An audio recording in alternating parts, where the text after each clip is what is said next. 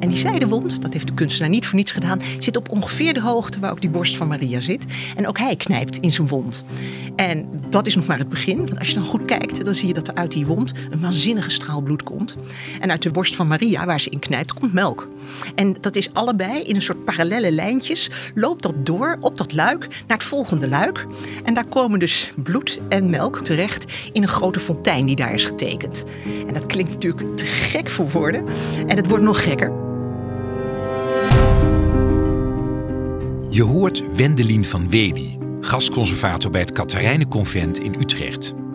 Zij neemt ons mee in een wonderlijk middeleeuws verhaal rond een blote borst van Maria, melk en bloed.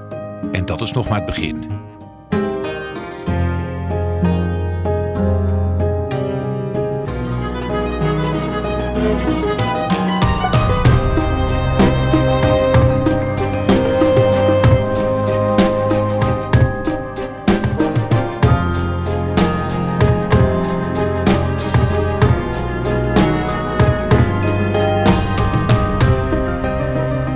Luistert naar Topstukken, de podcast over de mooiste kunst en cultuur van Nederland. Mijn naam is Albert Verlinde. In elke aflevering praat ik met een expert van een museum of een andere culturele instelling in Nederland en stel ik de vraag: wat is jouw persoonlijke topstuk? Het Katharijnenconvent bevindt zich midden in het oude centrum van Utrecht, op een steenworp afstand van de Dom. De collectie bestaat uit een enorme verzameling kunstwerken en objecten van het christelijk erfgoed in Nederland. En een groot deel daarvan gaat terug tot de tijd van de middeleeuwen. Mocht je nu het idee hebben dat kunst uit de middeleeuwen ver weg en daardoor oninteressant is, dan heb je nog nooit Wendelin van Wely ontmoet. Met haar topstuk neemt ze ons mee op reis naar een bizarre wereld. Mijn topstuk is een prachtig drieluik. Drieluiken, dat zijn grote altaarstukken die boven een altaar hangen. En die vervullen natuurlijk een rol tijdens de Eucharistieviering. Het moment waarop de gelovigen in de kerk samenkomen. En dan brood en wijn nuttigen en daarmee dus het offer van Christus herdenken. En daarbij is ook het idee dat brood en wijn staat voor het lichaam en het bloed van Christus. Nou, dat is natuurlijk een heel abstract concept kunstenaars in in middeleeuwen, maar ook later hoor. Die weten van alles uit de kast te halen om dat heel erg visueel te maken. En uh, je hebt dan dus op zo'n altaar, daar zetten ze dan graag kunst neer. En in dit geval dus een groot schilderij. En een triptiek is dus in het midden, of een drieluik. Dat is dan een groot centraal middenstuk met ja, deurtjes als het ware. En wat voor triptiek heb jij dan meegenomen nu? Ja, dat is een fantastisch triptiek. Waarschijnlijk gemaakt in Antwerpen. In het midden zie je ook een kruisiging. Maar wij laten die niet zien. Wij hebben de deurtjes dicht gedaan. Want de deurtjes hebben namelijk aan de achterkant ook een afbeelding.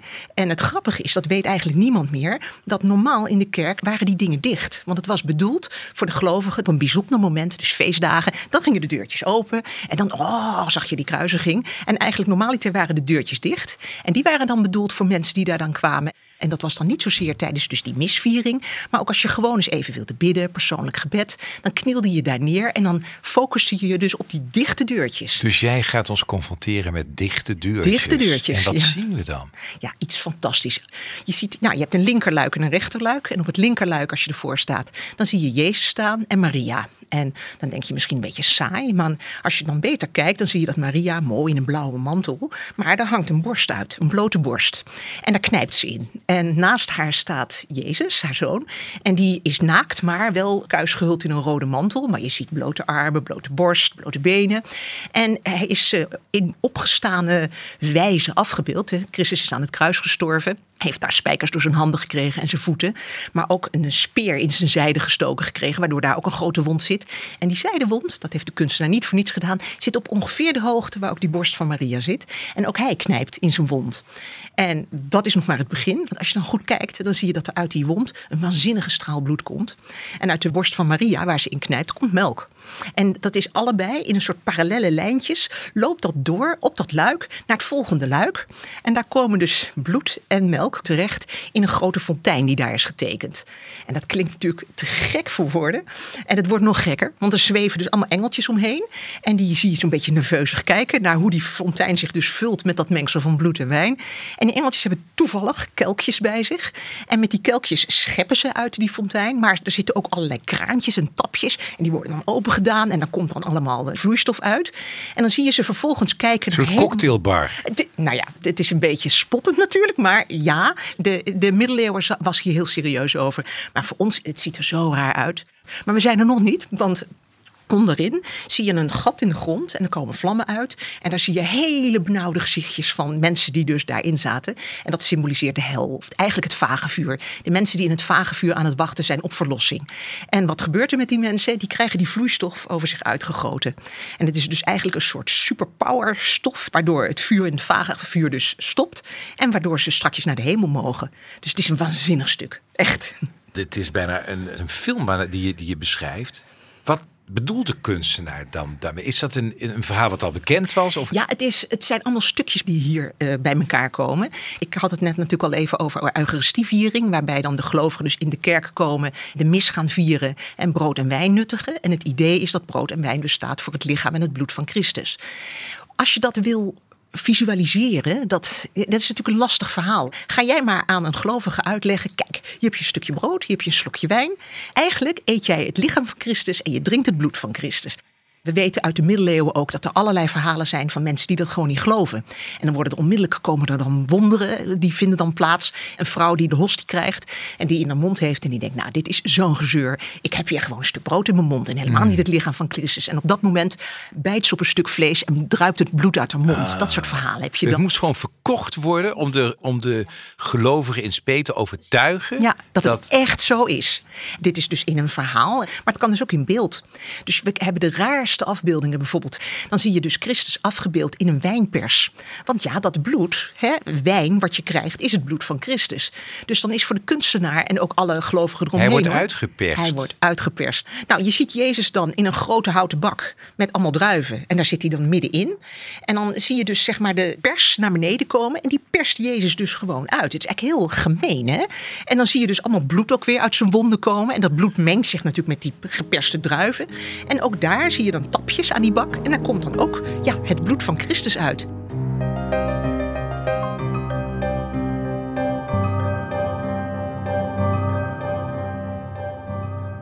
Wendelin stelde als gastconservator speciaal voor het Katerijnenconvent een tentoonstelling samen over het lichaam in de middeleeuwen.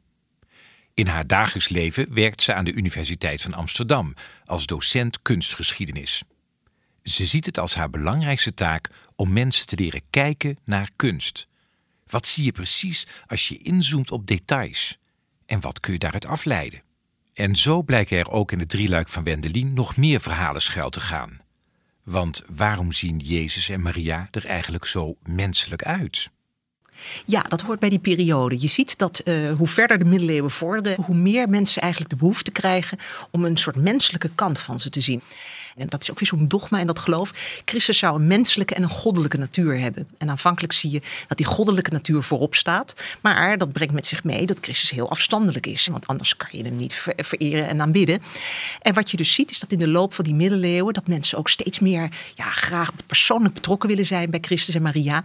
En dat ze daardoor dus die menselijke kant van Christus steeds meer gaan benadrukken. Kijk, bij Maria is het niet zo moeilijk. Dat was een gewoon mens. maar bij en Christus, een moeder. En een moeder, precies. Dus daar kan je je vrij makkelijk mee vereenzelvigen. Maar iemand die eigenlijk een god is, dat is ingewikkeld. Dus wat we zien is dat in die loop van die middeleeuwen er steeds meer nadruk komt op die menselijke kant van Christus. En dat zie je dus door al die wonden. Hij had pijn. En mensen hebben dat ook, dus dat kun je je indenken. Maar het zit ook in hele onvermoede dingen. Dat bijvoorbeeld Christuskindjes worden afgebeeld waarbij je heel duidelijk het piemeltje ziet. En dat heeft ermee te maken dat hij was echt mens met alles erop en eraan, dus ook een piemel. Is het een soort van laatste oordeel waarnaar we zitten te kijken? In zekere zin wel, maar niet precies. Kijk, bij het laatste oordeel is het idee dat er allemaal engelen aankomen met grote bazuinen. En die maken heel veel lawaai. En dan uh, breken de graven open en de zee spoelt zijn doden weer aan. Het idee is dat iedereen kan zich verzamelen en dan komt er uit de hemel, komt Christus naar beneden en dan vindt er een oordeel plaats. En daar heeft de middeleeuwen natuurlijk enorm over nagedacht van hoe ziet dat eruit als dat gaat gebeuren. En al snel kwam dan het idee dat Maria toch wel voor je ging bemiddelen. Want ja, de angst was natuurlijk groot, hè, dat Christus die daar dan als een soort van rechter zit en die dan moet beslissen, ga jij naar de hemel of ga jij naar de hel? Die moest een beetje beïnvloed worden. En men hoopte dat Maria dat dan voor je kon doen. Maar hoe kan ik dat hier in dit triptiek dan Ja, dat is echt prachtig verhaal. In de middeleeuwen had je mooie toneelstukken. Die werden buiten voor de kerk opgevoerd. En daar werden ook dit soort vraagstukken behandeld. En we weten dat er verschillende toneelstukken waren rond inderdaad dat laatste oordeel. En dan op een gegeven moment kwam dan Maria en die ontblootte haar borsten. En dan liet ze één borst zien en die tonen ze aan Christus. En dan zei ze, kijk, kijk, jij hebt aan mijn borst gezogen als een kind, als een mens. En dit mensen staan voor jou en die moeten nu beoordeeld worden. Wees menselijk in je oordeel. En daar komt die blote borst vandaan, waarin Maria nu mee staat. En wat ze daar dan melk uit knijpt, dat heeft dan weer te maken met dat melk levensbrengend is en reddend. Uh, geen moedermelk betekende kinddood. Dus ja, wat dat betreft, melk was heel belangrijk. En dan de melk van Maria is natuurlijk mega heilig. Dus er zijn ook allerlei prachtige legendes bekend dat Maria bij een ziekbed van een monnik verschijnt, haar borst tevoorschijn haalt en een melk uh, in zijn gezicht spuit, waarmee die dan dus genezen wordt. Ja, het is de middeleeuwen, ik verzin het niet. En het grappige is, dat werd gewoon geloofd. En daar is nog wel even een grappig detail bij. Dat zou ik de luisteraar ook wel willen meegeven. Let eens op waar de borst van Maria zit. Want het grappige is natuurlijk, als jij gaat afbeelden, een zieke oude monnik in bed. Maria verschijnt daar ontbloot haar borst en spuit daar melk uit. Zoals ik dat nu beschrijf, dat klinkt best pervers. Dat idee hadden ze in de middeleeuwen ook wel en dat wilden ze niet. Want dat, ze wilden niet dat dat aan Maria kleeft. En wat je ziet is dat die borst op hele rare plekken komt. Bij de, ter hoogte van de keel of ter hoogte van de navel. Op, gewoon op plekken dat je denkt, ja maar daar hoort een borst helemaal oh, niet te om zitten. dat erotische maar weg te halen. Precies, om het erotische eraf te halen. En dan wordt het bijna een object. Maar je ziet dat het vervolgens zich dan ook weer terugvertaalt naar afbeeldingen van Maria, die dus het kindje de borst geeft, die daar rechtvaardig aan die borst mag. Dan zit die borst soms ook op een hele rare plek. En soms lijkt het alsof ze hem los in de hand heeft en het kind ermee voedt. En dat heeft dus alles ermee te maken dat je die borst wil ja, desexualiseren. Daar zit echt een idee achter. En daarom blijf ik maar zeggen, kijken naar die middeleeuwse kunst. Ik ga veel naar musea. In de middeleeuwen heb ik heel lang een beetje overgeslagen. Daar loop je dan langs en je Ja. denkt, het is allemaal een beetje primitief en een beetje... Maar als je dit vertelt, is het ook een hele rijke tijd. Maar je moet het ja. wel weten. Oh ja. ja, je moet het weten. En dat is het sneuien voor de middeleeuwen. Omdat het zo onbekend is, is het ook onbemind. En sommige dingen zijn natuurlijk wel bekend vanuit de middeleeuwen. Want eigenlijk als je om je heen kijkt, zie je dat er heel vaak geciteerd wordt van de middeleeuwen. Game of Thrones, mega populair. Als je daarin kijkt hoe de ansenering is en hoe de mensen eruit zien. Dat is allemaal gebaseerd op de middeleeuwen. En de late middeleeuwen dan vooral. Die haardrachten. En ook zeg maar dingen als bloedwraak en dergelijke. Komt allemaal uit de middeleeuwen. En het grappige is dat we ons dat eigenlijk helemaal niet bewust zijn. Ook als je games speelt, die zitten ook heel vaak in een soort middeleeuwse setting. Dus er wordt heel veel geciteerd uit de middeleeuwen. Dus eigenlijk weet je best veel van de middeleeuwen. Alleen je bent het er niet van bewust.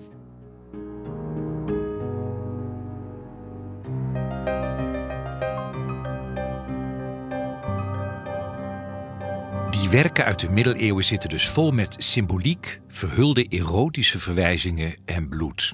En natuurlijk heeft dat een reden, zo legt Wendelin uit. Die wond van Christus, waar dus dat bloed uitkomt. Je ziet dat in de middeleeuwen gaan ze zich daar ook steeds meer op richten en focussen. En dus als ze gaan bidden, dan eerst is het natuurlijk helemaal Christus, het lijden van Christus, de passie. En op een gegeven moment zie je dat ze zich steeds meer gaan richten op die wond zelf, waar dat bloed uitkomt. Waarom? Ja, dat, omdat dat dus redt. Kijk, Christus redt natuurlijk zelf ook, maar dat, dat bloed, dat red je echt tijdens die Eucharistieviering. En mensen willen zich ook verdiepen in dat lijden van Christus, vinden ze belangrijk. En wat je dan ziet, is dat die wond komt los. Dus ze gaan Christus niet meer afbeelden, maar ze beelden gewoon die wond af. En die wond heeft een beetje ja, een soort ovale vorm. Ja, en dan is het al vrij snel, ja, het wordt dan gestileerd en met een dikke rode rand. En voor je het weet zit je naar een vagina te kijken. En dat is niet iets wat ik met een soort van perverse blik erin wil zien. Nee, dat wou ik al vragen. Moeten kijken. we bellen met iemand? Ja. Nee, nee, dat is ook zo bedoeld. Want er ontstaan ook in diezelfde tijd afbeeldingen van inderdaad Jezus aan het kruis. En dan uit die wond kruipt een gestalte. Ah, als een soort geboorte. Een geboorte, de geboorte van de kerk. Zo ziet men dat. En dat is voor ons zo dat we denken, waar gaat dit over? Maar zo werd het zeg maar visueel gemaakt voor de mensen. Want het waren natuurlijk zulke ja, abstracte begrippen en zo belezen waren ze niet in de middeleeuwen. Dus je moet het ze toch op een bepaalde manier vertellen. En de kracht van het beeld is natuurlijk enorm. Dat realiseren we ons nu niet meer zo, omdat we zo door beelden omgeven zijn. Met je telefoon en je iPadje en je computer en de tv. En, hè. Dus wij zijn zo gewend aan heel veel beeldinformatie. Terwijl dat was vroeger helemaal niet. Als je kunst wilde kijken, dan moest je een kerk in. Daar waren de mooie dingen. Of inderdaad, hè, maar niet iedereen kan met de graaf of de hertog of de koning op bezoek. Nee. Hè. Daar zijn ook mooie dingen. Kunst voor het volk. Kunst wordt, eigenlijk kan je het zo wel zien, ja. En die, het was ook zo bedoeld. Het, het, moest een verhaal vertellen. Het was niet zomaar voor de leuk. Het was ook echt bedoeld dat mensen die ernaar keken, dat ze er ook al wat aan hadden. Die triptiek, is de geschiedenis bekend waar die vandaan komt en hoe die uiteindelijk. Nee, hier... we weten er heel weinig van. We weten bijvoorbeeld ook helemaal niet wie het heeft uh, geschilderd. We weten op basis van stijl dat het ongeveer 1520 gemaakt moet zijn. En ook op basis van stijl weten we dat het uit de omgeving van Antwerpen komt. Maar meer weten we niet. Is dat voor jou soms frustrerend dat juist dit soort werken bij niet meer te achterhalen zijn? Ja, dat vind ik jammer. Ja, het leukste is als je weet wie de opdracht heeft gegeven en als je weet hoe de reactie was, wie er naar keek. Ik hou ook van natuurlijk naar een museum gaan en naar mooie dingen kijken. Maar het leukste vind ik om te weten waar het voor bedoeld was en wat het effect was op mensen. Natuurlijk heb je er ook wat aan, gewoon esthetisch, dat het mooi is. Maar het wordt nog leuker als je weet waar je naar kijkt. Ik denk dat ik nooit meer op dezelfde manier langs de eh, middeleeuwenafdeling loop. dat ik toch even wat precies ga kijken. Zijn wij nu in deze tijd preutser dan in de middeleeuwen? Ik vind van wel. Het is moeilijk om tijden te vergelijken. Die middeleeuwen waren heel anders dan onze maatschappij. Maar ik denk het wel. Ik denk ook dat juist dat wij dus allemaal van die bijgedachten krijgen. Dus inderdaad, eh, oude mannen bij de borst van Maria. Eh, Christuskindjes die bij het been zitten zodat je hun piemeltje kunt zien. Wij krijgen daar nu wonderlijke gedachten bij. En je ziet wel dat in de middeleeuwen daar eh, ja, veel makkelijker mee werd omgegaan. Als je bijvoorbeeld kijkt naar de hoeveelheid gedichtjes die er in de middeleeuwen rondgaan. Eh, waarin het over over seks gaat gewoon. En ook als je ziet hoe makkelijk dat ook wordt afgebeeld. Er is een prachtige roman de La Rose. Dat gaat over de zoektocht naar de liefde. En die heeft in de marge een non staan. Die dus met een mandje aan de arm uit een boom penis aan het plukken is. En dan is dat mandje helemaal vol. En dan komt er ineens een monnik in beeld. Het is een soort van stripverhaaltje. Steeds aan de onderkant van de pagina. Een boom vol penissen. Een boom vol penissen. En daar plukt ze penissen uit. En vervolgens verschijnt er dus een monnik ter tonele. En als je dan beter kijkt, dan denk je: dit is helemaal geen monnik. Want die heeft een hele woeste haardos. En dan uh, zie je dat die monnik, nou ja, ze gaan seksen. En vervolgens zie je dat zij een touwtje om zijn penis heeft gebonden en hem dus meevoert. Dus dat is een heel vreemd verhaaltje. En dat zit in een heel duur boek. Ik bedoel, dat is niet een of ander vies porno-blaadje. Maar dat is een handschrift uit de 14e eeuw. Wat, wat, ontzettend veel geld gekost moet hebben om het te maken. Dus ze zijn echt wel wat preutser dan in Wij zijn absoluut preutser. Ik kan me niet voorstellen dat in een mooie luxe uitgave van de Roman de la Rose nu... dit soort tekeningetjes onderin staan. Dan gaan ze achter slot en grendel.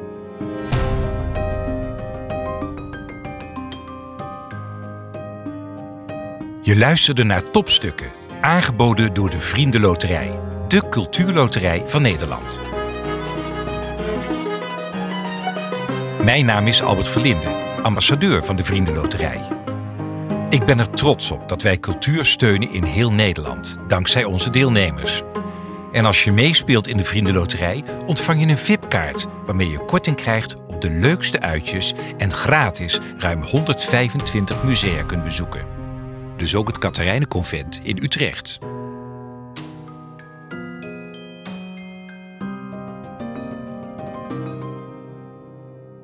Benieuwd naar meer mooie verhalen? Abonneer je dan gratis op Topstukken in je favoriete podcast-app of ga naar topstukkendepodcast.nl.